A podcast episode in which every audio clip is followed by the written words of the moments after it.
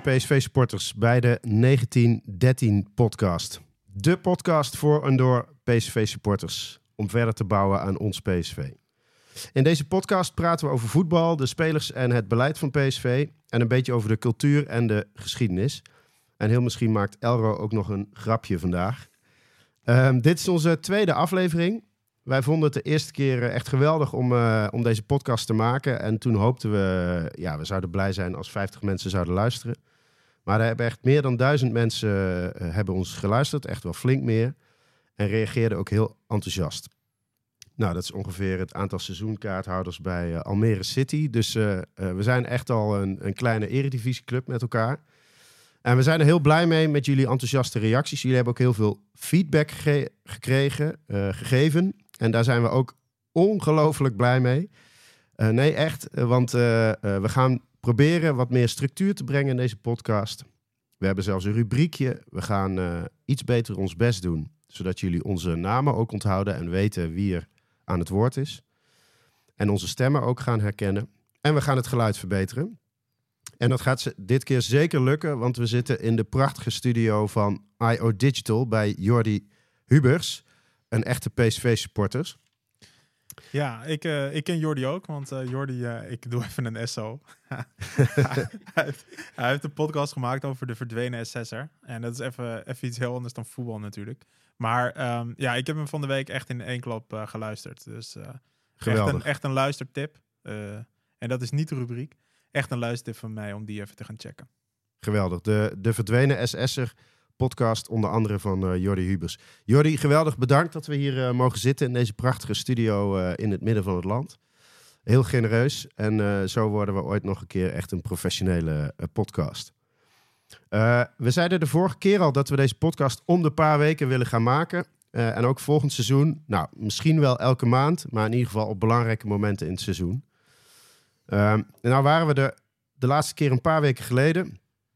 En dan vraag ik me echt af waar we het deze keer over moeten gaan hebben. Want er is, ja, is er wat gebeurd. jawel, natuurlijk. maar voordat ik ga vertellen over wat we deze podcast gaan doen, eerst even iedereen weer voorstellen. Zodat jullie weten wie we zijn en dan vraag ik jullie meteen wat je leukste PSV-moment was in de afgelopen drie weken. Mark, Mark Gammans. Gommans. Uh, je zit tegenover me. We moeten elkaar nog een beetje leren kennen. ja, Mark Gommans, toch? Ja, Mark, uh, wat was jouw leukste PSV-moment de afgelopen weken? Uh, nou, weet je, de zomer komt eraan. En dan beginnen de transferzomers beginnen weer. En eh, dan komt iedereen weer enthousiast. Iedereen is weer hyped. Rick Elfink heeft volgens mij vorig jaar al eens een keer gezegd... dat dan de zwangere lucht boven de hertgang weer hangt alles kan weer. De lijstjes komen voorbij van PSV moet deze spelers halen. En één ding wat ook altijd met de transferzomers komt opspelen zijn de zogenaamde insiders. Die dan uh, op Twitter berichtjes gaan gooien of op voorraad van uh, PSV is in contact met die en die speler of met die en die trainer. En uh, we hebben natuurlijk al best wel veel voorbij zien komen. En ik doe zelf toevallig doe ik, soms op een forum, Forum 1913, dat is van Rick Klein Entink ook, ga ik ook even een SO gooien. Ja. en doe daar soms iets op posten. En op een of andere manier nemen ze mij daarop soms wel serieus. En uh, ik had op, op een gegeven moment, was best wel druk op dat forum. En ik had een berichtje erop getypt. PSV, iets in de zin van, ik heb uit betrouwbare hoek vernomen dat PSV heel serieus contact heeft met Maurice Stijn en zijn zaakwaarnemer. Drie weken later, de cirkel is rond. Maurice Stijn naar Ajax. maar denk je dan dat ze meelezen daar in Amsterdam op dat forum? Of wat, uh, 100%. Ja? Weet ik niet. Nee, het was meer gewoon een schapje. Ik had, daarna kwamen ook allemaal mensen boos met uh, van Maurice Stijn, dat meen je niet, koop als assistent en uh, de club gaat weer kapot en zo. Allemaal shitload aan reacties binnen 10 minuten. Toen heb ik ook gezegd van ja jongens, neem niet serieus, ik weet niks, maar geloof niet alles wat je zegt. Maar ik vond het wel daarna echt uiterst grappig dat, uh, dat afgelopen weekend naar buiten kwam dat Maurice Stijn serieus naar Ajax ging. Yes. Dus dat was eigenlijk mijn uh, opvallende nieuwtje. Geweldig, uh, Mark. Dankjewel. En ja, ik kijk naar Elro, ja. maar ik ga toch eerst even naar mijn buurman, Marien. Marien Schouws, ook bekend van Twitter. Wat was jouw momenten van de afgelopen weken? Het, zit al een beetje in de lijn van Mark. Want uh, uh, inderdaad, dit, seizoen staat weer alles bol van de transfergeruchten. En inderdaad, dan heb je allerlei van die... Uh, ik denk met name de jonge users... Die, nou, die, die echt het internet en Instagram en alles afstropen zeg, om te kijken van wie is, wie is haalbaar. En dat ook nog serieus nemen. Eh, en ik kwam op een gegeven moment kwam ik in een, eh, een Twitter-lijntje, werd ik getagd om te vragen wat ik ervan vond als Cristiano Ronaldo naar PSV zou komen, want die wilde dus vertrekken. Die was er niet meer tevreden daar in de woestijn. En eh, of dat dan ook een match was met Luc de Jong na zich. Nou, dat, dat zijn voor mij de momenten wel dat het Twitter, PSV en transfernieuws wel echt goud zijn. Dat zijn Ja. echt wel de hoogtepunten. Maar eh, wat, eh, wat denk je? Gaat dat, eh, zou dat een match zijn? Past, Ik- past die in het Ja. eh, spel van Peter Bos? Nee, dan zou ik hem, zou ik hem eerder zien eh, onder eh Roke Smit in een, in een 4-2-4 eh, systeem. Maar eh, nee, ik heb hem links laten liggen. Ik heb er wel om gelachen. Nou, Ja. Ik heb vernomen dat eh, Van der Wallen volgens mij net zijn jacht heeft verkocht voor 28,5 miljoen. Er stond een artikeltje op ED, dus eh, misschien heeft hij nog wel ergens geld liggen om eh, het salaris te betalen van Ronaldo. Maar wat is dan zeg maar jullie... eh, ja, kijk, want we, dit komt natuurlijk gewoon ieder jaar terug. En wat is dan zeg maar echt jullie favoriete, eh, zeg maar... eh, Transfer, transfer, ja, ja, weet je, dat verhaal. Met- Die van mij blijft nog wel echt die van Gutsen. Van een paar jaar geleden dat er volgens mij een auto was, eh, Ja, was ja, gespot bij het ja. stadion. Ja. En dat was volgens mij ook Bij op de de, snackbar. 31ste. Ja, bij de snackbar inderdaad. En dat, dat ze aan het kenteken hadden gezien, dat hadden ze helemaal ontleed. En toen wisten ze eigenlijk van oké, Gutsen die komt eraan. Nou, maar volgens mij, dat is, dat is op zijn best. Ja, dat Ja. vond ik echt dat, wel, volgens mij is dat ongeëvenaard voor eh, alle komende jaren. Dat, Ja. is, dat Ja, was ja. niet te filmen. Ah, Jullie hoorden, niet. jullie hoorden Elro al, eh, Elro Ottenhoff. Ehm, Elro, wat was jouw moment Ja. van de afgelopen weken? Nou ja, eigenlijk ehm, ook nog een beetje terugkomen op de vorige, vorige podcast. Ik heb eigenlijk best wel, en dat is heel raar dat ik dat ga zeggen, maar ehm, best wel genoten van de ontknoping in België. eh, waar Mark van Bommel uiteindelijk eh, de dubbel heeft gepakt eh, bij FC Antwerpen. Ja, Ik dit verbaast me, want het, eh, jij, je hebt je echt geout als een Mark van Bommel. Ja, hater. nee, klopt, klopt. Maar ik heb uiteindelijk probeer ik, moet ik, ik word ook wat wijzer en dan moet ik me er misschien ook wel een keertje overheen gaan zetten. Dat is wel snel gegaan dan. Dat is wel heel snel gegaan. Ik Nee, maar, nee, maar, al zitten. Nee, maar ik heb die, ik heb die middag wel echt genoten, zeg maar. En eh, Mark van Bommel kampioen, eh Roger Smit kampioen in, eh, in Portugal. En ja, ze hebben het wel gewoon, eh, ze hebben het gewoon echt knap gedaan. Dus ik wil wel eventjes die. Ja, we zeiden vorige keer al voor die, eh, voor die gast. dat PSV Als geweldig... luisteren natuurlijk, hè, ga ik wel vanuit. Ja, daar ga ik ook van. Bommel luistert alles. Dat eh, PSV geweldig opleidingsinstituut is voor trainers eh, voor elders. Want nog een oud trainerspupil heeft de Champions League gehaald in Engeland, Erik ten Hag. Ehm, ja, ik ben Michiel Verkoelen. Jullie misschien ook wel bekend. En mijn moment waren ja, de twee goals van Xavi Simons tegen AZ. Dat was echt... eh, ik vond die goals zo fantastisch. We, we gaan het vandaag ook nog hebben eh, over de identiteit van PSV. Ik moet daar niet te veel over verklappen. Maar ik vind daar echt bij horen dat je af en toe exceptionele spelers hebt. eh, waarin geen enkele club ons kan matchen, denk ik. En wat hij daar in die wedstrijd, eigenlijk een vrij kalme wedstrijd, die van twee kanten onder controle was. Behalve dat Xavi Simons gewoon in één keer drie verdedigers voorbij loopt en de keeper. Ja, ik vond het twee van misschien wel zijn mooiste goals. Een eh, geweldig moment. Er was, er was laatst op Twitter was er iemand die vroeg naar de eh, mooiste goals van Xavi Simons. Of de mooiste goal. En eh, ik ben ze dus letterlijk terug gaan kijken. En ik kwam erachter dat hij eigenlijk alleen maar mooie doelpunten maakt. Ja. Ja, Ja. het is echt ziek, hè? Ja, dat Die tegen Groningen schoot hij hem volgens mij ook echt van best wel grote afstand gewoon in die kruising. Nee, Fortuna was dat Voor toch? Fortuna ook. Ja. En eh, tegen Groningen ook. Ja, tegen Groningen ook. ja, Ja, dat was de ja. 2-0. Net nou rust was dat. Maar ook, 2 of ook, 3-0. zo, ook zo veelzijdig. De ene keer Ja. is het de mooie afronden, de andere keer is Ja. het de dribbel, de andere keer is de versnelling, de andere keer is de aanname. Maar Het is ook- altijd iets Die stift, wat het speciaal maakt. die stift tegen ja. Volendam. Ja, dat was begin mijn van seizoen. favoriet. Ja? Ja, Ja. ja. Ja. ja. Nee, ik vond die, die knal tegen Fortuna en die twee tegen AZ. Wanneer het er echt, Ja. echt eh, om gaat, dan stond hij echt ongelooflijk op. Fantastisch. Ehm, een van eh, jullie eh, ja, suggesties aan ons, verbeterpunten, was dat we dus iets meer structuur in de podcast eh, moeten brengen. Nou, gaan we doen. We gaan het vandaag hebben over de nieuwe trainer, Peter Bos. En alles wat daarbij komt kijken. We gaan het daarna hebben over, gaan we even vooruitkijken naar de komende zomer. Hoe ziet de selectie eruit en hoe zou die eruit moeten gaan zien? En aan het eind gaan we het hebben over de PSV-identiteit. En misschien wordt dat wel deel 2 van deze tweede podcast, die we iets later eh, online gaan gooien. Eh, maar laten we beginnen eh, bij Peter Bos. We hebben een nieuwe trainer. En ehm, daar hebben we ook allerlei vragen over binnengekregen. Komen we straks op. Maar eerst maar eens de eerste reactie. Mark, ik kijk eerst even naar jou. Ben je blij met de nieuwe trainer? Jij was het de vorige keer die voorspelde, of eigenlijk je wens uitsprak, dat je Peter Bos wilde hebben. Nou, ze hebben geluisterd, inderdaad. Ben je blij? Ja, het zou gek zijn als ik nou zou zeggen dat ik niet blij ben. Ik, ik, ik was geen fan van Van Nistelrooy. Dat, eh, dat mogen duidelijk zijn. En ik denk dat je met Peter Bos eh, een trainer krijgt die heel, goed, die heel modern is en die heel goed past binnen ook wat de club momenteel nodig heeft. Eh, om het even in ieder geval gelijk een inhoudelijke draai aan te geven. Als je kijkt naar het huidige kampioenschap van Feyenoord. daar heeft iemand van het NRC, Steven Verseput, die heeft onlangs een artikel daarover gemaakt.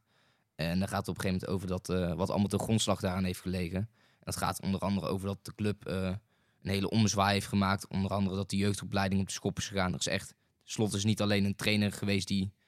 Ja, het was niet alleen een trainerswissel. Echt heel de manier van denken Ja, binnen die BVO is veranderd. Ja, En op een gegeven moment gaat daar, los van dat stuk... er gaat op een gegeven moment ook over, over waarom Slot nou zoveel effectiever en beter is dan advocaat. En dan komen op een gegeven moment voorbeelden aan als dat Slot heel duidelijk heeft wat hij wil hebben.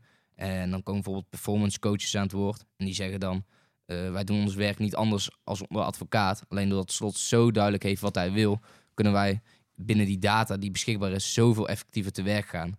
En ook bijvoorbeeld met de scouting zijn voorbeelden van. Dat ze daarin met data. En eh ja, dus tegenwoordig is dat natuurlijk een beetje een dingetje, data en de data Duitser. Onder andere bij Ajax is dat eh, een beetje heibel.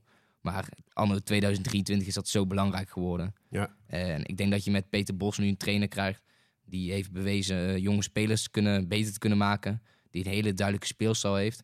En dat dat voor PSV heel veel houvast kan bieden om op basis daarvan richting de toekomst door te gaan groeien. je hoopt echt dat hij eh, meer dan alleen maar het spel gaat beïnvloeden, maar echt de professionaliteit in de club en zo eh, een level, eh, ja, naar toplevel gaat brengen. Ja, ja, ik Is- denk ook, ja, ik denk ook als je nog even verder op gaat. Ik denk als je bij Peter Bos, hij is ook iemand die best wel het Nederlands voetbal bekritiseert. En ik Mhm. denk dat we bij Schmid hebben gezien dat hij is met ideeën binnengekomen die wij in Nederland niet eh, gewend zijn. Mhm. En in Nederland zitten we natuurlijk een beetje vast aan die Hollandse school. Op een of andere manier kleeft dat nog steeds aan ons.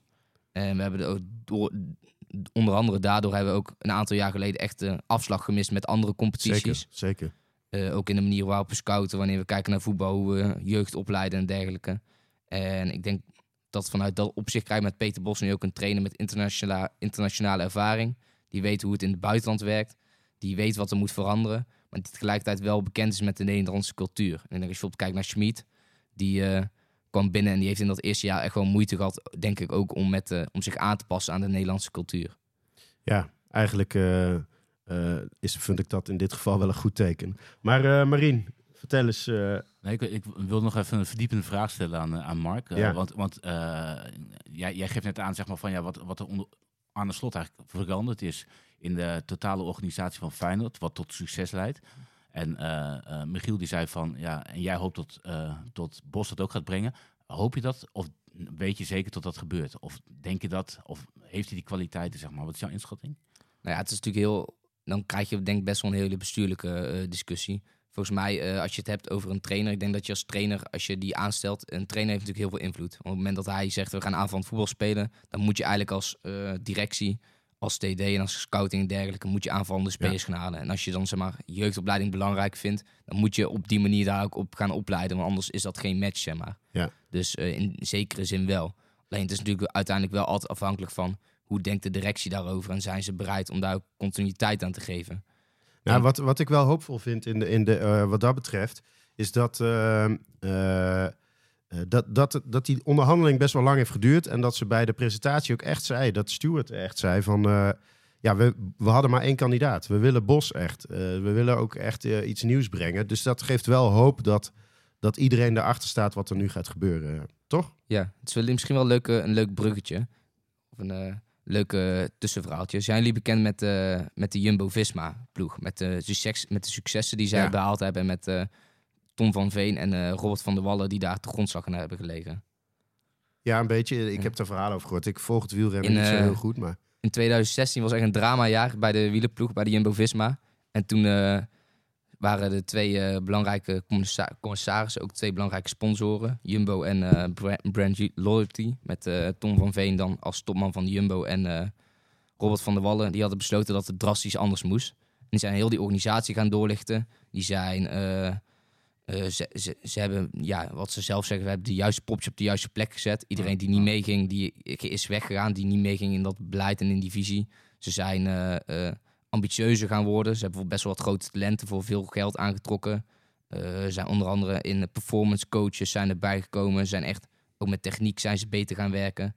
En dat heeft uiteindelijk geleid tot het succes wat ze nu hebben. En ze Ja. zijn, het is niet dat zij, zeg maar, Manchester City, even een vergelijking dat is niet dat ze Manchester City zijn en elk jaar een miljard er tegenaan gooien. Nee. Want ze hebben nog steeds een van de kleinere budgetten, als ik het goed heb. Maar ze zijn wel zo effectief geworden Ja. dat, dat dat de grondslag heeft gelegen aan het succes. En, Met het hele idee Ja. en het hele team dezelfde kant op werkend. En, en als je dan even het breukje maakt naar PSV. In 2020 in september werd Van der Wallen voorzitter van de RVC. Ongeveer een jaar en twee maanden later in december 2021 werd Marcel Brands als goed is benaderd om AD te worden. Ja, we weten natuurlijk nooit. Gerbrands heeft vrijwillig zijn contract ingeleverd. We weten natuurlijk nooit wat daar is gebeurd, maar het komt er wel akelig Hij, dichtbij. heeft, hij heeft wel een zetje gehad, denk Ja, ik. hij heeft eh. wel een zetje waarschijnlijk gehad. Komen we akelig dichtbij. In september eh, 2022 eh, ging John de Jong weg. Natuurlijk ook een beetje vaag verhaal wat daar is Mhm. gebeurd. Maar het is inmiddels ook wel, het is ook wel duidelijk dat daar ook een zetje is geweest. En In ieder geval, in ieder geval geen vertrouwen. Vanuit Ja. de Raad van Commissarissen. Ja. Precies. Ja. vanuit dus Tom van Veen en Robert van der Wallen. En eh, Ja.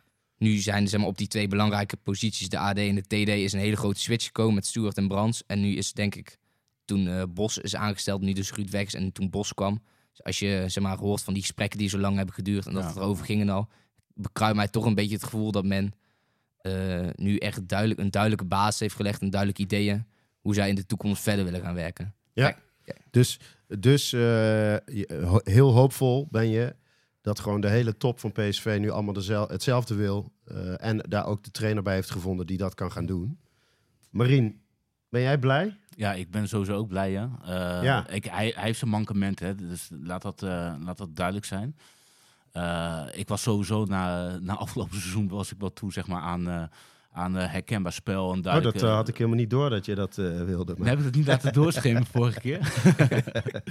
nee, maar gewoon een, een duidelijke spelopvatting, meer aanvallend spel. En tegelijkertijd vond ik het ook wel lekker om te zien wat voor fysieke pijn dat in, in Amsterdam veroorzaakte. Dat Bos nou toch eh, nou, trainer werd bij PSV. Ik denk dat het een hele goede zet is. Ik sluit me ook wel aan bij de argumenten van Mark. Ik, ik, ik denk dat hij eh, heel veel kan brengen, zeg maar. Het een heel intelligente man is. Hij is natuurlijk ook technisch manager geweest. Dus hij, hij, hij kent een, een BVO, zeg maar, in, in totaliteit wel. Nou ja, volgens mij is zijn spelopvatting is heel duidelijk. Eh, hij eh, communiceert heel prettig. Dus ik vind het ook. Nu ga ik ook weer interviews na wedstrijden en voor wedstrijden ga ik luisteren. Terwijl ik normaal gesproken niet zo fan van ben. Ja, dus ik ben wel eigenlijk. ik, ik was wel hyped en ik ben wel vol verwachting eigenlijk. En tegelijkertijd eh, zit er ook wel een randje eh, onder, zeg maar. En, en dat is.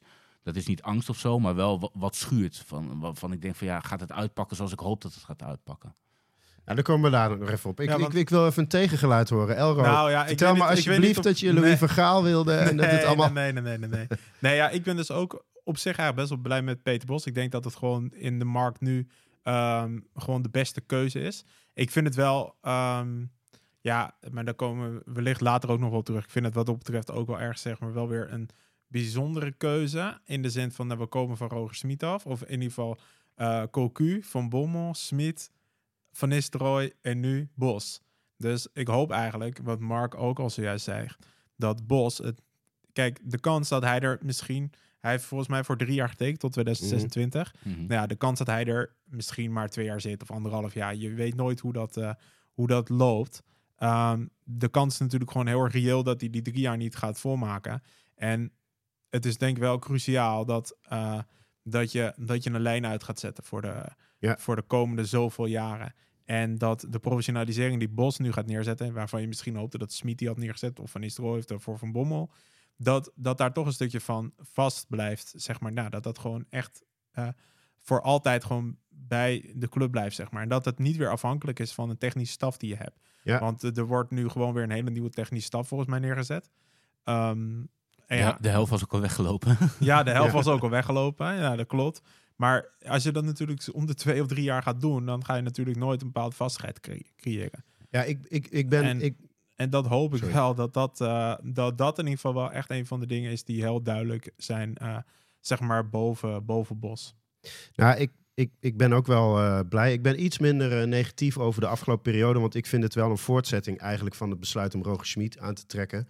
Volgens mij lijken de speel. de- Er zijn vast verschillen. Maar als je van de tien trainers lijken Roger Schmid en Peter Bos heel erg op elkaar. En heel veel Ja, opzichten. Hè? die Dus hoog, wel. ook druk zetten, eh, verdedigen ver van de goal. Ik denk dat Schmid misschien nog... Nou ja, we moeten het even gaan zien. Ik heb Bos de laatste jaren iets minder gevolgd. Maar Schmid er nog iets modernere ideeën op nahoudt.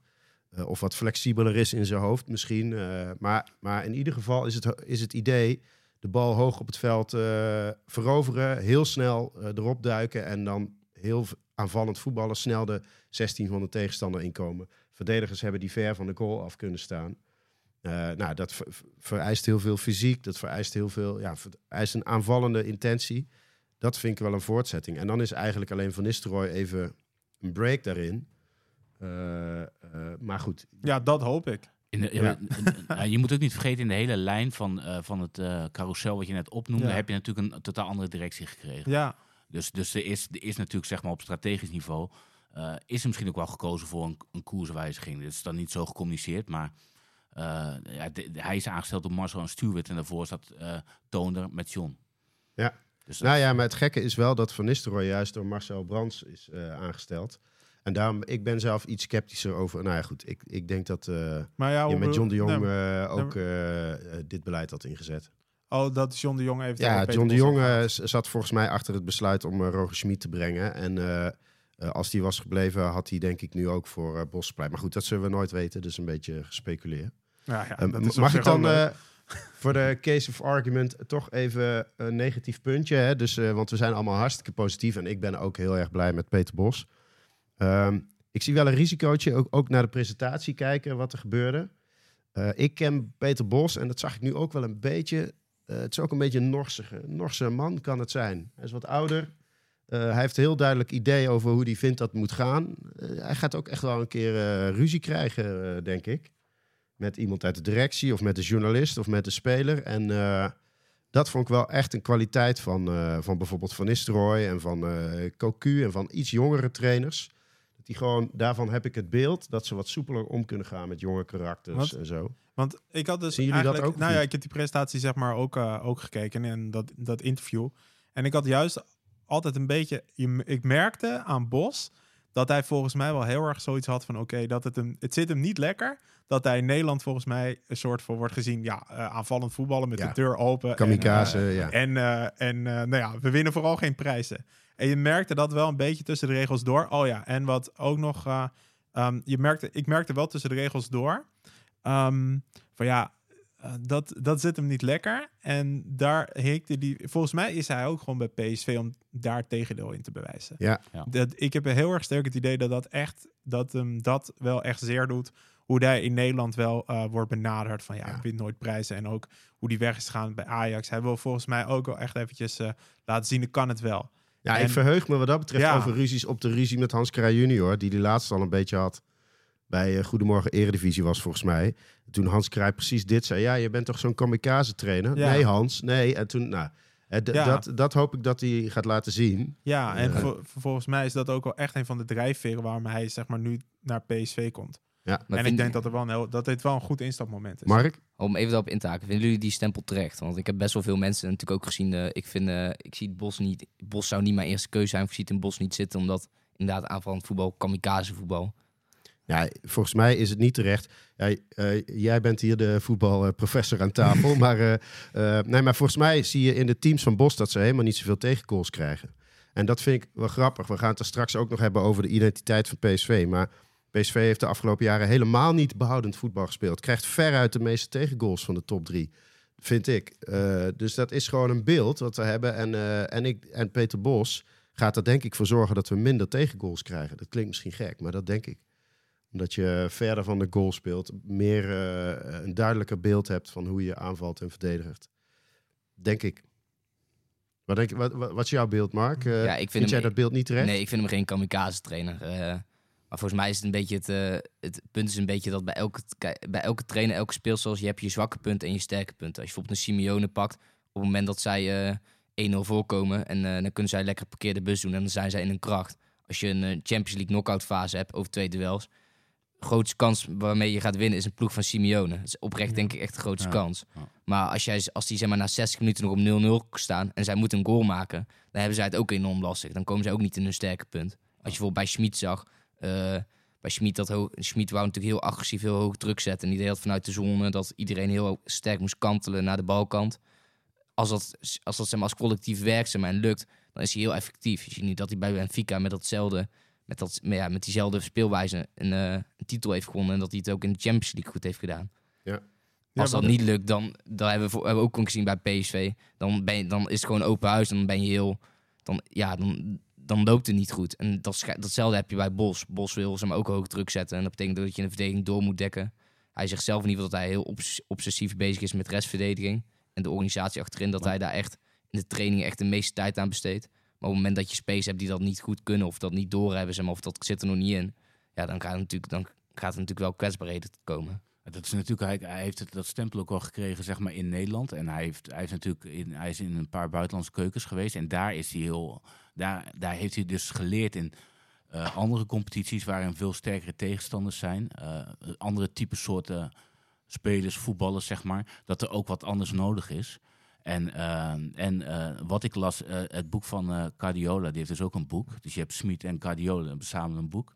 Samen een boek. Ja, niet samen een boek, dat denk ik niet. Maar eh, er zijn weinig trainers met boeken, want Cardiola heeft er één. En die, en die, die liet zien, zeg maar, dat hij, of die schrijft eigenlijk dat hij eh, zelf met eh, misschien wel veruit het beste team, de beste selectie, zeg maar, nog steeds heel eh, erg bezig is met van, ja, wat doet mijn tegenstander en hoe moet ik daarop reageren? En dat heeft hij zichzelf heel aangetrokken. Hij, in Nederland stond hij bekend om van, ja, weet je, wij hebben een speelwijze. Dat deed hij zelf bij Heracles, hè. Speelde hij 3-4-3 gewoon tegen, tegen Ajax thuis. Eh, één op één. Nou, daar kreeg hij een beetje dat stempel van kamikaze. maar dat heeft hij volgens mij heeft hij wel bijgesteld. En wat ik ook wel eh, in die presentatie, dus eh, eigenlijk was ik daar ook best wel blij mee om te horen. Dat hij ook wel heel erg beno- benoemde van ehm, dat hij ook wel vast gaat houden aan zeg maar de PSV zijnde als speelstijl of in ieder geval Ja. de speelstijl die bij de club hoort. Ja. Eh, God mag even weten wat het is, Ja. maar eh, dat is dat. Daar komen we later denk ik wel weer op terug. Maar ehm, en dat was zeg maar ook wel positief dat ik wel denk van, oh ja, weet je, hij gaat niet gewoon eh, twintig nieuwe spelers halen, volledig nieuw team bouwen. Dus dat hij ook wel, eh, dat hij ook wel gewoon iets gaat verzinnen volgens mij, dat dat bij deze selectie gaat passen. Ja, ik dacht wel daarvan, dat was echt het communicatie getrainde deel. Ja, Dus Ben ik Bos had de, had de opdracht. Eh, nou ja, ik, ik dacht, eh, hij is gedrild om te zeggen van... eh, ik krijg niet de sleutels van de club, zeg maar, maar Ja. dan omvloerst. Hè. Ja, ik ga echt dat wel beeld, ja. goed samenwerken. En eh, het was mijn eerste keus. En, eh, Oké, dat, was eigenlijk het eerste dat jij, ja, ik, ik dacht, oh ja, fijn. Hij zegt niet van, ik krijg Nee, de maar vol- sleutels. nee, maar, nee, volgens Ja. mij hebben jullie beide gelijk. Want hij, hij zei nadrukkelijk van we gaan kijken zeg Ja. maar, naar de selectie, hoe die er nu staat. We gaan kijken wat er mogelijk is. ja. En eh, wat heel belangrijk is, en, en daarom ben ik ook blij met Peter Bos, is hij, hij heeft denk ik wel vier of vijf keer, en dat is echt iets wat hij bij alle clubs doet, nadrukkelijk de jeugd zeg maar benoemd. Ja. Hij Ja. kijkt echt naar de jeugd. Hij, hij houdt van een kleine selectiesamenstelling met ruimte voor, voor jeugdspelers. Ah, en en eh, volgens, mij, eh, volgens mij maakt dat hem het ideale profiel inderdaad voor nu, voor PSV. Ja, Ehm, we hebben ook een aantal vragen gekregen van eh, luisteraars. Ehm, eh, Dank daarvoor trouwens. ja, ja, super blij zijn we daarmee. Want eh, het gaat ook steeds meer leven, deze podcast, ook eh, online. Eh, we hebben een heel mooi Twitter-account, 1913 podcast. Daar eh, hopen we dat jullie ons allemaal ook op gaan volgen en eh, opbouwende kritiek geven. Ehm, eh, een vraag van de artist formerly known as Son of a Gun. Ehm, Mark, misschien voor jou. In hoeverre verschilt het voetbal dat Bos wil spelen met, met wat Schmid probeerde? Vooral in zijn eerste PSV-jaar. Ja, jij zei toen net dat tussen Schmid en Bos waarschijnlijk niet zoveel vers- verschillen zitten, zei Michiel. Ik denk dat dat, in, ik denk dat, dat toch stiekem wel is. Ze, Ja? zetten, willen hoog druk zetten en aanvallend voetbal spelen. Alleen wat bij Schmid natuurlijk heel erg is, is dat hij, eh, hij wil de bal, en dat hebben heel veel Duitse trainers, die willen de bal hoog veroveren. Of in ieder geval met gegenpressing, met, eh, met snel veroveren, met druk zetten. En dan op het moment dat zij die bal hebben, dan willen zij binnen drie, vier passes voor het doel staan. Dan willen ze echt direct omschakelen, zeg maar. En wat Bos wat meer heeft, is dat hij die bal hoog wil eh, terugwinnen. Hij wil die bal snel terugwinnen. Alleen ook meer als doel om ze maar uiteindelijk positiespel te kunnen krijgen. Om vanuit daaruit te kunnen gaan opbouwen en tot kansen te kunnen komen. En ben je dan niet bang dat we dan ehm, eh, dat hij dan de bal verovert en dan eh, Frank de Boer goed voetbal gaat spelen? Hè, dus eh, eindeloos pasen op balbezit. Het oude Hollandse school waar we juist mee moesten afrekenen. Nee, nee. Nou, ja, je gaat sowieso wedstrijden van 70% balbezit krijgen bij PSV. Dat kan je nu al voorspellen.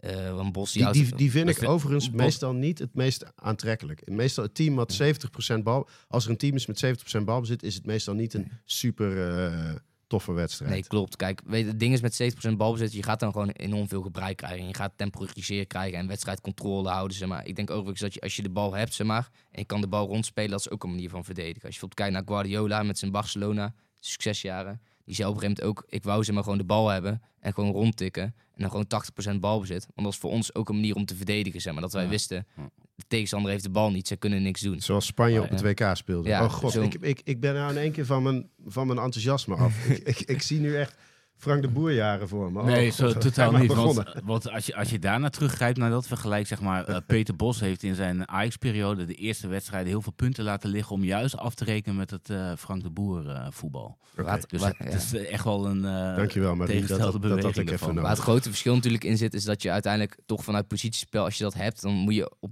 bepaalde momenten moet je gaan versnellen, dan moet je dynamiek toevoegen, dan moet je diepte zonder bal hebben. Uh, rotaties en zo. En dan kom je uiteindelijk bij moderne speel, bij moderne kenmerken uit. Bijvoorbeeld overloads creëren in de as en dergelijke. En dat heeft Bos wel. En dat heeft bijvoorbeeld, ja, met alle respect, en Frank de Boer niet. Dus ja, uh, Michiel gaat nu overloads. Uh, ja, de bal gaat googlen. googlen. ja, nee, Elro, we zitten met twee voetbalprofessors aan tafel. Want ik hoorde net dat Marien een boek had gelezen. Ja, wat is dat? wat is een boek? Maar uh, uh, wat vond jij ervan dat het, het, lijkt alsof ze lang onderhandeld hebben? En, ja, dat viel me op, ja. Ja, ja. ik was eigenlijk wel benieuwd. Is dat een goed teken? Um, nou, ik denk vooral voor Peter Bos wel.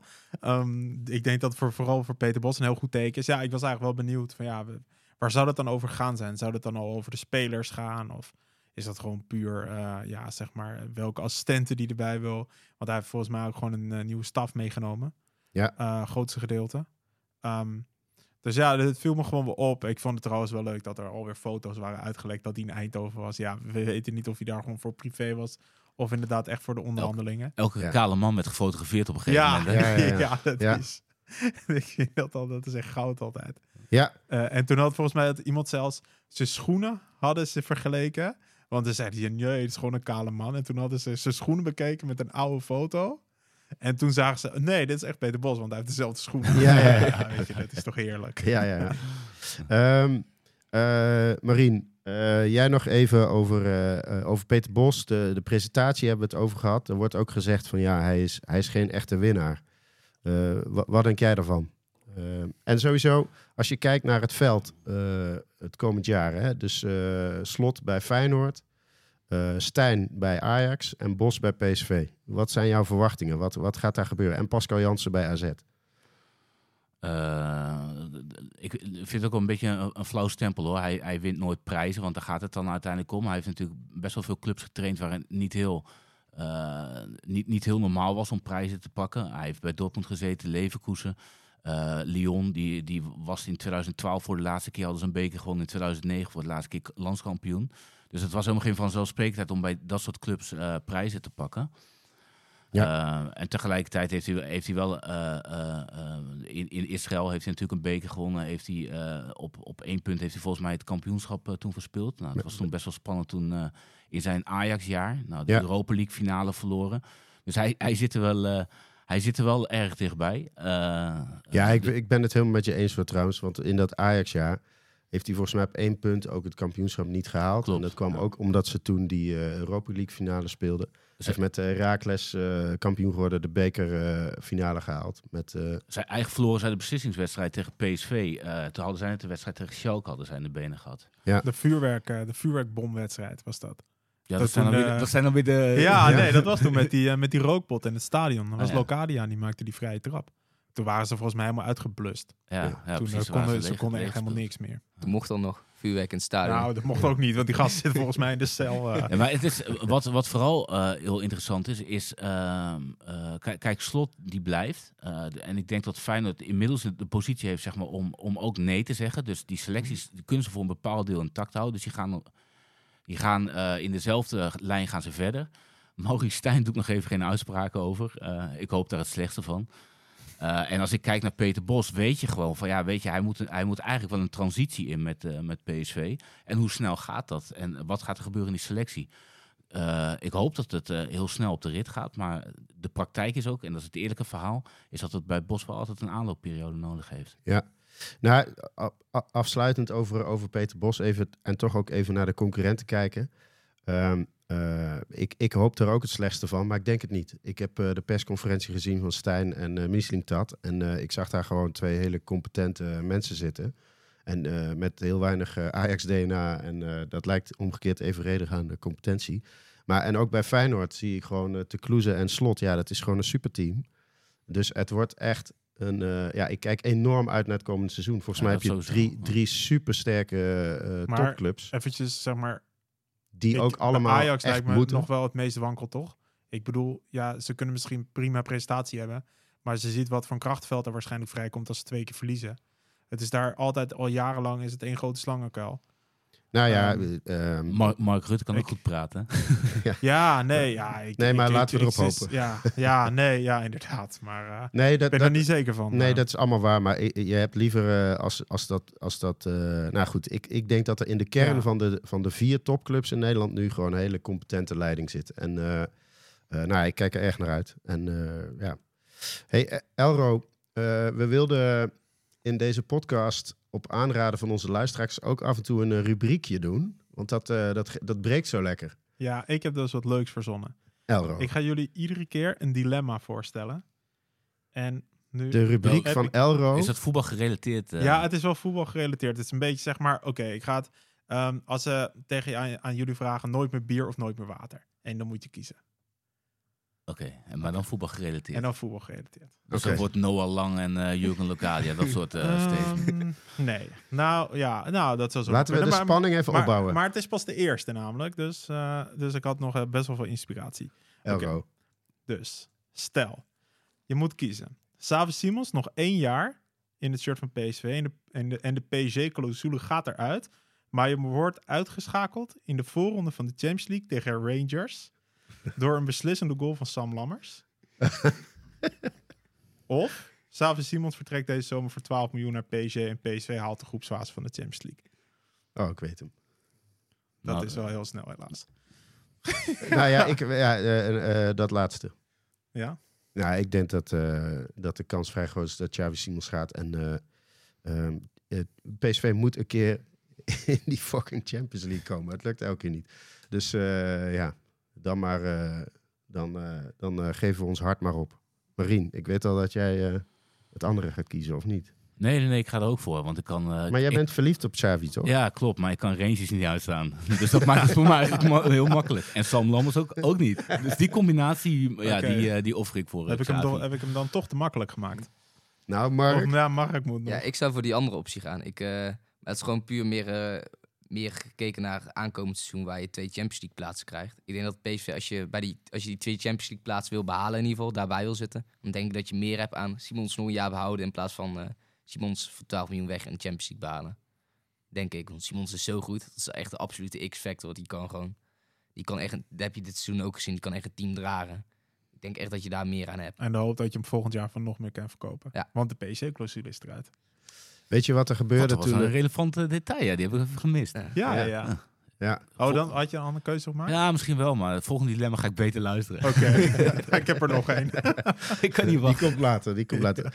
Eh, nou, ik denk alleen maar terug aan die tijd. eh, ja, ik ben natuurlijk eh, de oudste aan tafel. Maar eh, toen eh, wereldvoetballer van het jaar later, eh, Ruud Gullit, wegging bij PSV in 1987. Wie We is dat? weten, we weten allemaal wat er in 1988 is gebeurd.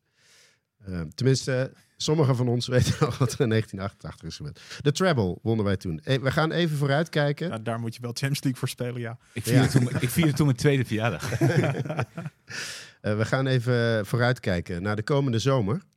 Ehm eh, we gaan eerst even het, hebben over de huidige selectie. We hebben een nieuwe trainer, hebben we net besproken. En eh, daarna even ja, wat daarin zou moeten veranderen. Maar eh, nou, eerst maar eens eh, dit keer eh, bij eh Marien eh, beginnen. Die eh, keurig in zijn eh, aantekeningen aan het kijken is. Zo waar dit keer. Maar, maar eh, Vorige keer ja, Marien heeft zich echt voorbereid. Maar ehm, Nog steeds geen lijstjes. Ma- Ma- Marien, even kijken naar de huidige selectie op dit moment. Ehm, eh, wat, wat, wat verwacht je met Peter Bos als trainer daar? Wie gaat er het goed doen? Eh, wie, wie wordt de nieuwe ster van de mensen die we nu al hebben? Eh, z- zou, zou ik gewoon eentje uitkiezen die het goed gaat doen? En eentje... Xavi Simons, die had ik nou net verkocht, hè? ja, die had je al verkocht. Ja. Ja, klopt. Ja, die kan niet meer. Eh, ik heb, ik heb eh, hoop op eh Boskakli. Ik Denk het wel. Die gaat, eh, die gaat spelen. En die gaat, ook, eh, die gaat ook belangrijk zijn. En degene eh, met wie het heel erg bonje gaat worden is eh, Joey Veerman. En, en, en eerst even bij Buscali. Waarom denk je dat? Of is het meer hoop? Nee, nee, nee. Omdat eh, als je kijkt naar de speelstijl van Bos, is, eh, is dat hij centrale middenvelders in de as hebt die erg moeten doorstappen. Om juist eh, de snelle balverovering te hebben. Waardoor ook ruimte ontstaat voor centrale verdedigers. En dan verwacht hij ook dat ze gaan indribbelen, mee gaan voetballen, Mhm. gaan inspelen. Nou, ik geloof niet dat wij eh 25 nieuwe spelers gaan bestellen komende zomer. Dus er blijft gewoon een kern over. Zeker. En is Boskakli is gewoon een profiel voetballer, zeg maar, die heel interessant zou kunnen zijn voor hem. Ehm, Joey Veerman, ruzie.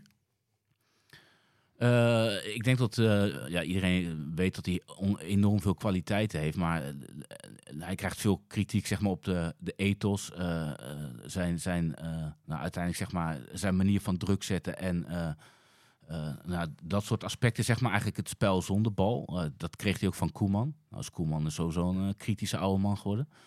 Maar eh, eh, er zit natuurlijk wel een kern van waarheid in. En eh, onder, Nee. onder Bos is het zo dat, dat zijn spel... En dat was onder Smit natuurlijk ook zo. Dat zijn spel en zijn spelprincipes goed uitgevoerd worden. Dan moet iedereen meedoen. Ja. En hij, hij is zelf heel stellig in heel veel interviews dat hij zegt van... Je doet mee en als je niet meedoet, dan lig je eruit. Ja, ik, eh, ehm, eh, ik, ik, ik zie het niet gebeuren. Weet je, ik, ik denk dat Koeman eh, het ook echt bij het verkeerde eind heeft. Ik maak me een beetje zorgen over dat we een bondscoach hebben die op het moment dat het over spelers gaat steeds de verkeerde keuze maakt. Ook met eh Frimpong en zo. Maar eh, ehm, ja, als ik het, naar het laatste half jaar van Joey Veerman kijk, dan zie ik echt geen middenvelder in Nederland die meer energie, intensiteit in de wedstrijd stopt. Verdedigende acties, balveroveringen heeft. Het is echt een mythe dat eh, Joey Veerman een luie voetballer is. Ik, eh, ja, ik eh, ehm, doe het een beetje natuurlijk om de discussie ook op te starten. Maar volgens mij is het echt, gaat het niet gebeuren. Hij is gewoon veel te goed om, om dit te laten gebeuren. En hij is, ja, hij, hij is een eigen rijde jongen. Ja, de, dat- de Jack Grealish van PSV. Maar, maar dat- laat maar- hem dat lekker zijn. Maar, da- maar dat, daar zit het hem ook in. Hè? Kijk, want hij, hij, hij, hij, heeft een groei doorgemaakt, absoluut. Eh, en tegelijkertijd zeg maar, heeft hij een bepaalde vinnigheid in zijn karakter. Eh, dat was ook natuurlijk toen hij een paar keer op de bank had gezeten... tot zijn zaakwaarnemer gelijk dropte tot uh, Besiktas eh, wel wilde huren. Ja. Eh, hij kan nog wel eens verongelijk doen bij wissels en zo. Nou, Bos is ook volgens mij best een eigenzinnige eh, man met een eh, sterk karakter. Ja. Ik, ik hoop, eh, misschien halen ze het beste uit elkaar naar boven. Dat kan heel goed. Eh, dat zou heel mooi zijn. Maar eh, ja, ik, ik zet in Je op een, eh, ervoor. ja, nee, ik zet in tot, eh, tot dat nog wel eens een eh, Ja, discussiepuntje gaat worden. Ja. Ja, het zou wel kunnen. En als het gebeurt, dan ben ik nu al team Veerman. Maar Mark? Ja, ik denk dat Veerman niet per se, om even in te haken, ik denk dat Veerman niet per se een, een lui speler is. Ik denk dat hij echt wel werk zonder bal levert. Daar is hij ook in gegroeid in de defensieve arbeid. Alleen, eh, ik denk tegelijkertijd ook wel dat Marien een valide punt heeft. Zeg maar, de, de onderscheid tussen middenvelders, zeg maar, tussen, ja, tussen middelmatige middenveld, subtop middenveld en echt top top middenveld wordt wel tegenwoordig gemaakt op inhoud en intensiteit. En ik vind dat je bij Veerman echt, zowel in het spel aan de bal, eh, ook zonder bal, dat hij soms echt nog, ja, verstoppertje is niet het juiste woord, maar hij is wel, vind ik, soms echt afwezig. Dat, dat hij gewoon een aantal momenten niet aan de bal komt, dat hij dan een slechte crosspaas aflevert. Ik vind dat hij daarin echt juist dominanter kan zijn. Ja? Dat hij meer in dat passingritme kan komen. En ik denk juist dat dat onder Bos, dat dat, dat, dat echt heel lijp gaat worden. Hel- help me even, Elro, tegen deze twee. Hebben die de bekerfinale niet gezien? Echt de man met de meeste meters, minste gezeik. Eh, Ja, hij- hij was eh, daar heel goed 100 in. 120 minuten gewoon de beste. Hij was daar heel goed in, maar, ik maar het is wel meer inst Ja, maar de incidenteel, bekerfinale was een, dan lag de lat überhaupt niet heel erg hoog. ja, weet je, als dat de lat is. Ik hoop niet dat dat de lat Een van prijs, Peter Bos hè? is. In Een ieder prijs. geval. Ja, Ja, prijs. maar, Ja, nou, daar zal dat Bos nu al Peter heel Bos blij mee zijn. willen. Maar ja, het is de eerste, de Johan Cruijffschaal is natuurlijk al zijn eerste kans op een prijs. Ja. Die is ook in de Kuip. Ik denk dat over, ja, ik denk dat over 34 wedstrijden lang, zeg maar, dat die lat in ieder geval wel omhoog moet. Ja. Zeg maar, uiteindelijk ook wil hij zeg maar, op Champions League niveau echt een bepaalde middenvelder worden. En, en wie denk je dat, eh, dat de revival gaat krijgen onder Bos van de huidige selectie? Eh, Joran These. Zegt iedereen, hè? Ja.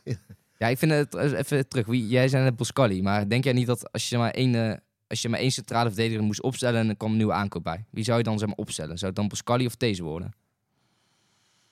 Want ik denk zelf dat deze misschien nog wel een betere fit is voor eh, bosvoetbal. Deze ja, heeft ook een, maar die heeft ook een heel interessant profiel. In de zin van dat hij snel is, dat, dat hij daardoor eh, hoog op het veld kan eh, spelen. Ik denk dat hij, hij heeft natuurlijk onder Smit heeft hij in hetzelfde soortgelijke spelprincipe heeft hij natuurlijk het Nederlands elftal heeft hij gehaald. Dus dat is ook wel een interessante fit. Ja, ik dacht, eh, ik dacht er eh, gewoon aan eh, van ja, weet je, voetballend komt dat net iets meer tekort, denk ik. Eh, en dan zou ik een, eerder een, echt een sterke rechter centrale verdediger halen. Elro, we hadden op dit onderwerp ook een vraag gekregen van eh, Ed eh, Altijd Beter. Met welke speler gaat Bos sowieso ruzie krijgen? Het is wel mooi dat je die meteen aan mij stelt. nou, ik vond Joey Veerman wel, eh, wel creatief. Ehm, eh, ik had wat dat betreft, ik had die ook opgeschreven als antwoord op die vraag. Maar Mark kwam ook nog met El Ghazi. Daar schijnt hij dus bij Ajax ruzie mee gehad te hebben. Dus Ja. ik ga dan voor, ik ga voor El Ghazi. Ja, ik vind het allemaal zo'n makkelijke antwoord. Het is gewoon de oude beeld. El Ghazi vroeger was echt een vreselijke... eh, nou ja, we weten allemaal nog hoe Guardiola... eh, of nee, eh, Guardado dat kampioensfeest heeft Ja, die, gevierd. die was over, heel fijn. Die was heel Ja, ja, ja, maar dat was de oude El Ghazi. En ik zie die, die trekjes van hem helemaal niet meer terug. Nee, ik heb, ik heb het idee dat sowieso. geleden. Ik heb bij, ik weet niet of jullie wel eens zeg maar El Ghazi zien lopen over dat veld. Ik heb echt het idee van ja, alsof hij in een soort strafkamp rondloopt. Alsof hij het Oh ja? gewoon totaal niet naar zijn zin heeft bij PSV. Oh nee, Ja, ik- dat, ik, dat heb ik Ja, echt heel Ik erg. zie ik ook. gewoon een professionele voetballer die weet wat hij Ja, weet. Maar, zo, kan. zoals El Dat Ghazi is zijn kijkt, zo spiegel ik hem ook. Zo kijk ik ook terug naar hem. Ja, ik, heb, ik heb er helemaal niks mee. ik heb er ook helemaal niks Nee. mee. Weet je, Ah, ik bedoel, eh, van eh, ja, ik vind het ook, ja, ik bedoel, nou ja, met pijn en moeite juicht hij naast doelpunten. Maar ik heb niet het idee dat hij het naar zijn zin heeft bij PSV. oh, nou, ik, ik, Maar, ik, dat eh, is, eh, maar dat is puur de uitstraling hoor. Het is van, nou, ik ben hier op mijn werk. Eh, en ik scoorde misschien een paar. Daar is op zich nog relatief belangrijk geweest ook. Nou, maar hij, het is ook, ik bedoel, het is wel een broodvoetballer, maar, Ja, maar wel, dat, maar wel ja. een goede. Maar, maar ja, ik, ik, vond, ik had het, toen hij kwam, was ik heel sceptisch. Nee, ik nu, vind het namelijk dat hij gewoon op het veld eigenlijk best wel goed doet. Ja, Eh, hij brengt best wel, maar meer gewoon de, zijn houding of zo. Alsof, ja, alsof hij er gewoon geen Als- zin in Als heeft. het aan mij lag, dan wordt, er werd El Ghazi gelijk doorgeselecteerd. Ik denk ook niet dat hij bij Peter Bos past. Dus maar dat draait echt om... om eh, ja, Hmm. we- weet je, El Ghazi, als je hem ziet spelen, je ziet echt best wel techniek. Zeg maar. Je ziet echt wel dat het een goede voetballer is geweest. Alleen hij is gewoon niet meer explosief, niet meer wendbaar. Zeg maar. Dat gaat hem gewoon aanvallen niet worden. En ook defensief in de meters, zeg maar, die explosieve sprintjes. Dat, mag ik één speler noemen die elke keer, eh, eh, iedereen probeert hem weg te slaan, maar hij komt elke keer terug, ook onder Peter Bos, de vriend van Marien ook, Guus Stil. Ik laat hem even eh, liggen, dat bommetje, en dan ga ik naar de volgende vraag van eh, een Ja, van maar- onze... Mag ik trouwens nog eh, een opvallende naam noemen, die, eh, waarvan ik denk dat hij het goed gaat doen? Shurandy Sambo, die nu bij eh, Sparta Ja, rechtsback. ik denk echt dat hij eh, Ja? basis gaat spelen, rechtsback volgend jaar. Eh, een van onze grote fans, en wij zijn ook fan van eh, hem Vriend op van de show, vriend van de show. Oh ja, dat moeten we zeggen. Standaardwissel, Tom. eh, die had de vraag gesteld eh, wat te doen met eh, Luc de Jong. Voelt als een mismatch eh, met Bos in zijn spelsysteem. Maar hij heeft wel bewezen rendement. Eh, Mark, eh, Marien, wat denken jullie? Eh, ja, weet, ik, denk, ik denk persoonlijk dat Luc de Jong voor eredivisie, eredivisiebegrip een hele goede spits is. Hij, eh, hij is heel sterk in de 16. Hij is daar echt een plaag. Eh, ook zijn aanwezigheid, zeg maar, kan kansen creëren voor anderen. Dat heb je onder andere gezien in die eh Johan Cruijffschaal, waar hij als bliksemafleider dient voor Guus Til, die twee keer kan scoren. Eh, Ja. ook, in het ook in het veldspel kan hij lucht bieden. Willem Jansen heeft volgens mij al eens ooit gezegd dat het echt een hel is om tegen PSV druk te zetten. In de jaren onder Cocu. Want dan, als je dan net iets te veel druk zet, en dan gaven ze gewoon die lange bal op Luc de Jong. Ja, die wint gewoon meer dan 5% van zijn kopduels. En dan kunnen ze vanuit daar staan ze één op één achterin. En dan kunnen ze daar doorvoetballen vanuit de tweede bal. Is hij, eh, is hij basisspeler, denk je, als eh, Ja. Peppi komt? Dat denk ik dus niet. Hij heeft zeg maar, hele specifieke kwaliteiten. Hij is ook een leider. Hij organiseert zeg maar, ook de, verdedig- ja, de aanval. Zeg maar. Hij- bij, eh bij Cocu van Bommel en Van Nistelrooy zeg je ook dat hij zeg maar, echt ook aangeeft... we moeten nu met z'n allen druk gaan zetten. Alleen hij is, ja, hij is niet behendig, hij is niet snel, hij heeft geen diepgang, hij is niet technisch, hij kan niet een bal vasthouden. Nou, nou, nou, nou. Noem even de dingen op Dus welkom. heel, en ik kan, eigenlijk, ik, kan eigenlijk nog, ik kan eigenlijk nog verder gaan. Maar ik denk dat het grootste punt bij hem gaat worden is dat, eh, dat hij kan heel veel meters maken, alleen hij is niet explosief. En bij een pressing speelstijl draait het, eh, draait het er uiteindelijk wel om dat je explosieve sprintjes kan trekken. En daar ook heel veel van. En dat heeft hij gewoon niet. Ik denk dat hij nog steeds een heel belangrijk wapen voor Bos gaat worden. Want als je, ja, je- ik denk PSV gaat gemiddeld 45 wedstrijden spe- spelen, keer 90 minuten. Ja. Kom je ongeveer op 4000, ja, dus 4050 minuten is dat totaal. Nou, dat kan je echt wel verdelen over twee spitsen. En als je bijvoorbeeld een Peppi haalt, die zou echt niet, ook echt niet gelijk de wereldspits zijn. Die zou ook nog misschien wel een beetje moeite hebben met, met, cons, ja, met eh, constant presteren en dergelijke. Sowieso denk ik dat in het moderne voetbal worden, eh, bijna de hele aanval wordt na 60, 70 Ja. minuten gewisseld. Maar hoe zou Luc de Jong daar denk je mee omgaan? Want dat vraagt me wel af. Hij is, hij is modelproef, toch? Wat Ja, is ja, ja, maar ja, modelprofessie de baas staat volgens mij. Wat denk je, Elro? Nou ja, ik denk wel dat dat wel een dingetje gaat worden. Ja, dat denk ik ook. Maar ik, denk, ik, eh, ja, die jongen is toch op, volgens mij is maar hij denk je niet 1 dat hij 32. basisspeler wordt onder Bos? Want ik, Nou ja, ik, dat denk ik niet. Maar ik vraag me vooral af hoe hij zich gaat schikken in een rol dat hij niet in de baas staat. Hij is toch het boegbeeld, hij is ambassadeur van de club, noem het allemaal maar op. Nog net niet die standbeeld. Ehm is drie kampioen geworden. Ja, ik ben toch wel benieuwd hoe je dat eh, gaat managen. Dat is volgens mij wel echt een van de, van, de, van, de, van de klussen die er wel staan te wachten. Ja, want eh, het is ook een heel ander kaliber club. Hij heeft natuurlijk dat soort rollen heeft hij wel ingevuld, maar dat Ja, was bij Barcelona, Barcelona, is, ja. is net wel wat anders. Ja, ja, Dat je dan zegt van ja, weet je, ik kom erin om eh, tien minuten voor tijd een balletje binnen te ja koppen. tegen Volendam. Nee, ik vind Barcelona ja, ook, ook eh, nog niet het niveau hebben van PSV. maar welke spelers gaan er nog meer komen, denken jullie, eh, het komende jaar? Waar eerst maar eens even ja, de namen die veel genoemd worden. eh, Spierings, eh Peppi, die, die twee, nou, hè, daar gaat iedereen wel van uit dat die eh, elk moment eh, benoemd gaan worden. He- he- Hmm. Hebben jullie daar eh, een mening over? Marien, ben je blij met die namen? Eh, vol- volgens mij zijn het wel voor de hand liggende namen. Eh, volgens mij zegt het meer zeg maar, over, over hoe PSV een transferwindow ingaat. En dat is. eh, kijk, is natuurlijk zeg maar, bij de aanstelling van, van Marcel Brands is toen al gezegd van ja, weet je, we, we moeten wel weer even terug naar eh, de afschrijvingen verminderen. Eh, nou, dat soort zaken. We hebben, we hebben te, te grote contracten bij spelers die niet, niet zoveel toevoegen. Nou, daar hebben ze afscheid genomen van Max, van Van Ginkel. Dus daar zit een soort van doorselecteren in. Tegelijkertijd Stewart bij zijn, eh, bij zijn komst zei hij van... eh, we moeten weer kijken naar wat creatievere oplossingen. en er moet weer kapitaal ontwikkeld worden. Nou, dat hoorde je Bos gisteren ook zeggen in zijn interviews een paar keer.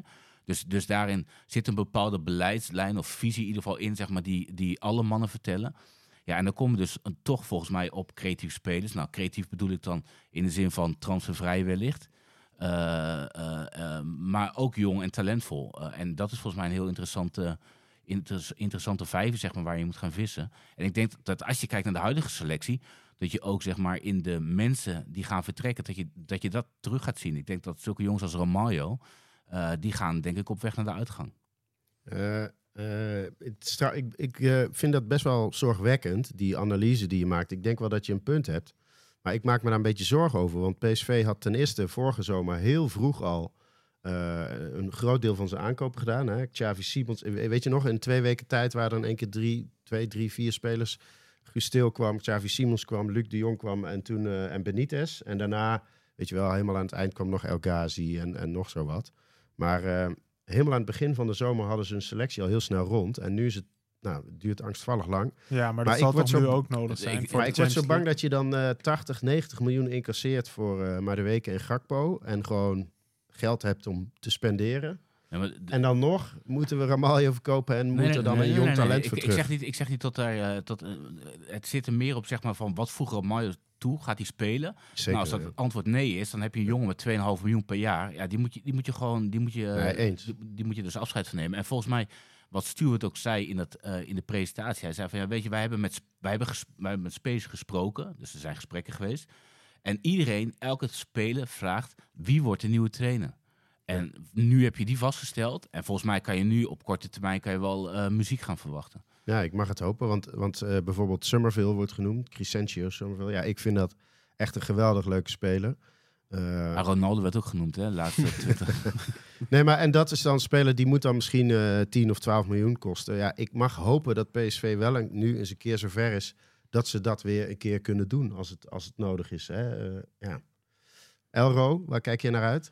Nou, kijk, ik heb dus van de week, want ik ben dus nooit zo erg van de spelers. Ik heb gewoon aan eh, de, via Twitter gewoon gevraagd wie er gehaald moest worden. Oh ja, Ehm, Het gaat weer zo'n kutlijstje worden. hè. nou, ja, eh, als LW, wat is dat? Is dat linker? LW. Wat is dat voor een... eh, Linker verdediger. li- Ik denk, eh, nee, ik denk linksvoor. linksvoor. Nou, dan zou ik dus eh, Al Alvarado halen van Chivas. Wie, wie zegt dit op Twitter? Eh, Rubberen Robbie 88. Dus dank daarvoor. Ehm, Wie kent hem niet? nou ja, eh, ja, eh, nou ja die wel die man. hij heeft echt wel een heel goed lijstje hoor. Ik kan niet Vriend van de show. Ja, vriend van de show, zeker na vanavond of Hey, vandaag. maar Alvarado of Diomande van Noordjylland. Dat is ook een... eh, of Benny Traoré. Het zijn wel echt goede voetbalnamen. Hey, eh, je ik geef, ik geef je een kans voor open doel om Ja. Noah Lang eh, weer eh, te, Ja, te, nee, kijk, te. Die had Ja. hij al geplukt. Die had Ja. ik al vorige week, vorige keer al geplukt. Dus eh, Noah Lang. En ik zou misschien voor Sam Stein gaan. Dat zou ik ook wel echt lachen vinden. Ja, ja, Als ja. je ja, nu ja. Sam Stein zou binnenhalen. Ja, De, en, de, en, de goede Stijn. ja, ja, ja, en, ja, en dat, dat, dat zou- nee, maar wat dat betreft zonder, nee, zonder dolle, ik, ik denk dat je sowieso, ehm, ik kwam trouwens, dit vond ik wel echt wel een goed lijstje. Ehm, Wat die vorige vond je niet goed? Nou ja, ik, ik, ken, die- waarde- ik ken die gasten niet. Kijk, we- weet je wie er nog meer op stonden? Mohamed Keba van Valenciennes. Ik denk eh, Frankrijk. Maar Berg van Bodo Glimt. Martinez van Midtjylland. Sepp van den Berg van Liverpool, wel ja, bekend. ja. Dragoussin van Juventus. Nagallo van Noord-Jylland. Het dat, zijn verde- dat schitterend zijn om- verdedigers. Het is echt ja. Gaan we met je schitterend om andere nu- lijstje. eh, Ja, en ik maar maar de- de- lijstje deze kwam van ehm, ja, maar deze kwam van ehm, van Ron Vinken, ook wel bekend Ja, opa als eh, ja, maar ja, ik En- hem alsjeblieft gewoon Ron Vinken. Ik vind opa Toivonen ja. Ja, opa, Ik- opa is de nieuwe ster van het Twitter eh, Ja, dat zal wel. Maar ik vind het een beetje te Ajax-achtig. Daar hebben ze ook eh, Jan van... of uh, Lan van Janst. Of. Hamsteraar. Of. Weet Ja. je, ja. Nou, Dus ik mag hem, opa wel. Ja, ja ik, en dan noem ik hem Ron. Oké. Ehm, hij kwam met Azor Matusiwa. Ja, ja, die, volgens mij bij Groningen had gezeten. Mees Hilgers. Nou, dit, Twente. eh, ja, ik heb er niet heel veel verstand van. Maar volgens mij is dat wel een goeie. Ja. Ehm, Stijn Spierings. Marius Wolf. En wat ik eigenlijk ook wel leuk vond. En die komt ook wel van een beetje van de class van 2016-17. Justin Kluivert. Nou, wat mij wel opvalt, dat eigenlijk alleen Mees Hilgers... de- iedereen zegt er moeten nieuwe verdedigers komen bij PSV, maar er worden bijna geen verdedigers genoemd. Eh eh, Mees Hilgers is de enige die... Ja, ik, ik heb vorige keer Steven de Vrij eh, geplukt. Nou, Ja. Die heeft net zijn contract wel verlengd bij Inter. Maar eh, centrale verdedigers, Mark, wie, heb jij iets in je hoofd? Nou, als, je, als je iemand zou moeten halen, zou ik vooral niet Mees Hilgers halen. En, niet, en wil ik niet, omdat ik denk wel dat een talentvolle jongen is. Gewoon even niet over zijn, gewoon los van zijn kwaliteiten. Eh, maar ik denk dat PSV vooral eh, momenteel behoefte heeft aan stabiliteit. En op het moment dat je een, eh, ik denk, ja, ik weet niet hoe realistisch het scenario, scenario is dat je twee nieuwe centrale verdedigers straks in je basis hebt. Ik denk het niet. Ik denk dat of deze of Pascali met de aankoop gaat worden. Als je daar langs dan Mees Hilgers gaat zetten, dan denk ik dat je dezelfde probleem gaat krijgen als in het eerste jaar met Schmid. Waar bijvoorbeeld deze en Pascali eh verbaal coachen niet sterk waren, de organisatie niet konden wegzetten. En als je kijkt ook naar eh, om dan even een eh brugje terug te maken naar Bos bij Leverkusen. Hij was bij Leverkusen heel succesvol omdat hij daar jongens achterin had staan op de zespositie. En eh, ook op de CV-positie zoals eh, de Bender-broertjes Mhm. die wat ouder waren, die, die, ja, die gelouterd waren, die heel communicatief heel sterk waren en die continu die organisatie deden wegzetten. En hij is uiteindelijk, toen kwam corona en toen vielen die spelers weg. En daarna is dat ook langzaam als een kaartenhuis eh, in elkaar gestort. Maar heb je daar een naam bij die je dan verwacht? Ja, en naam, in ieder geval, ik heb wel van eh, een aantal mensen heb gehoord. Bij eh, Benfica speelt een centrale verdediger, Lucas Verissimo. Die is 28 jaar of 27 jaar, een Braziliaan. En eh, die zou wel redelijk kunnen passen in de speelstijl. En die is ook wat ouder. Maar ja, dat is gewoon puur name dropping. Ik bedoel, volgens mij kunnen heel veel Ja, mensen, dat was ook de heel veel vraag, mensen passen binnen de criteria. ik denk in ieder geval dat je op zoek moet gaan naar een ervaren, stabiele centrale verdediger die zeg maar, het team bij de hand kan nemen. Ook vooral omdat je waarschijnlijk een jonge rechtsback gaat krijgen met of Sambe of ja, Van Ewijk worden ook wel sterk aangelinkt. Ja. Dat, Ja. Je, ja, dat je dat in ieder geval hebt. Nou, ik, eh, ehm, eh, ja, dat, dat, dat zie ik ook wel. Weet je wat ik wel terugzie in, eh, in de oude PSV-beleid en echt het Marcel Brands-beleid? Als je die namen hoort van eh Summerville, van, eh, ook van, van Eenwijk die gedropt wordt. Eh Stijn Spierings is gewoon Nederlandse kern. En ne- potentiële Nederlands elftalspelers weer eh, terughalen. Eh, eigenlijk had vroeger Marcel Brands in zijn Ja. eerste periode het beleid. Alle potentiële top Nederlandse toptalenten die net rond de 20 of net daarboven zijn, die moeten in Eindhoven spelen. En, en dat zie ik wel weer terug. Ehm, De kocht hij Maher en Ramselaar. Nee, maar ook Strootman en... eh, eh, Maar nou, is dat een goed beleid, denken was jullie? op dezelfde Nou, dag dat we de gemeente toen... eh, Nou ja, dat was echt als- een gênante vertoning. Als het de Oh, beste zijn wel. Ik, de- ik denk dat...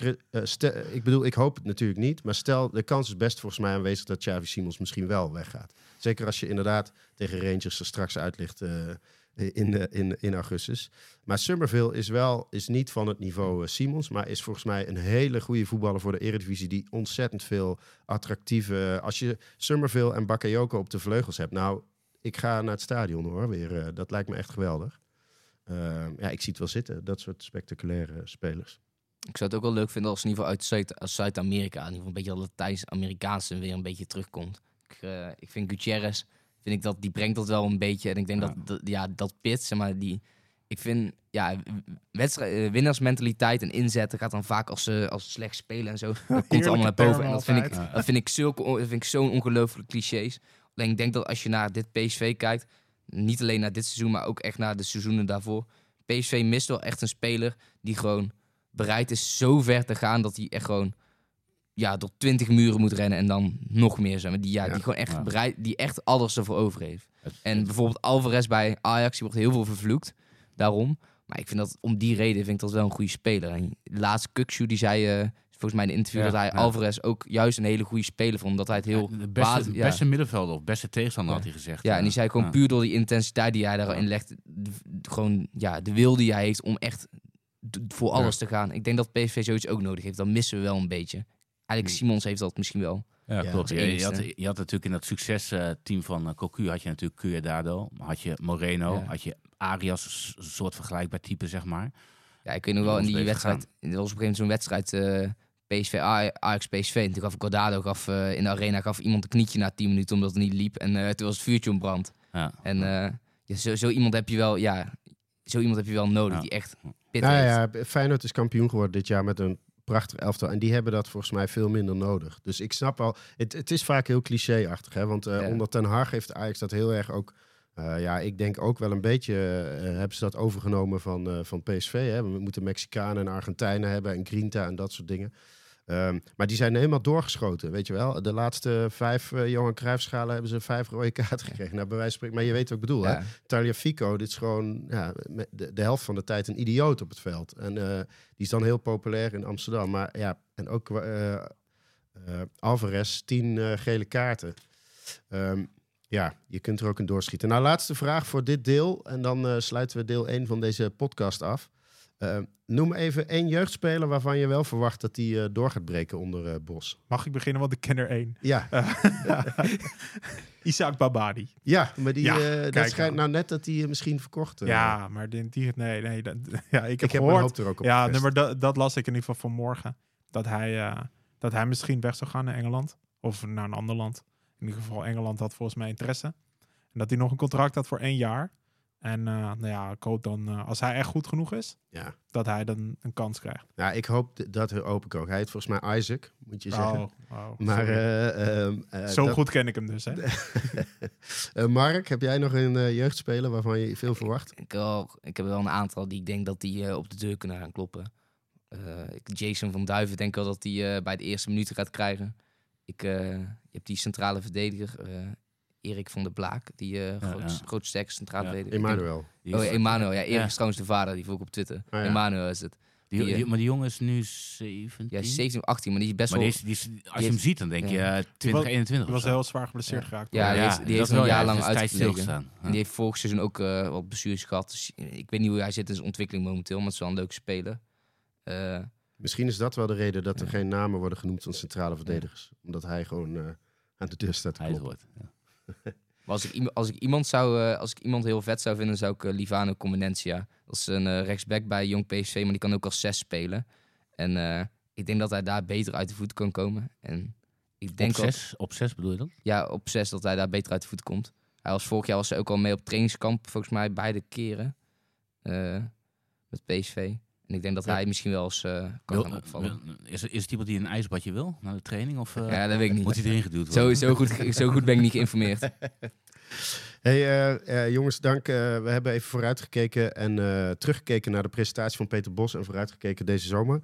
Ehm, we hebben heel, nog heel veel om eh, te bespreken, maar we willen dat niet allemaal in één podcast eh, aan jullie meegeven, want we moeten de hele zomer nog door.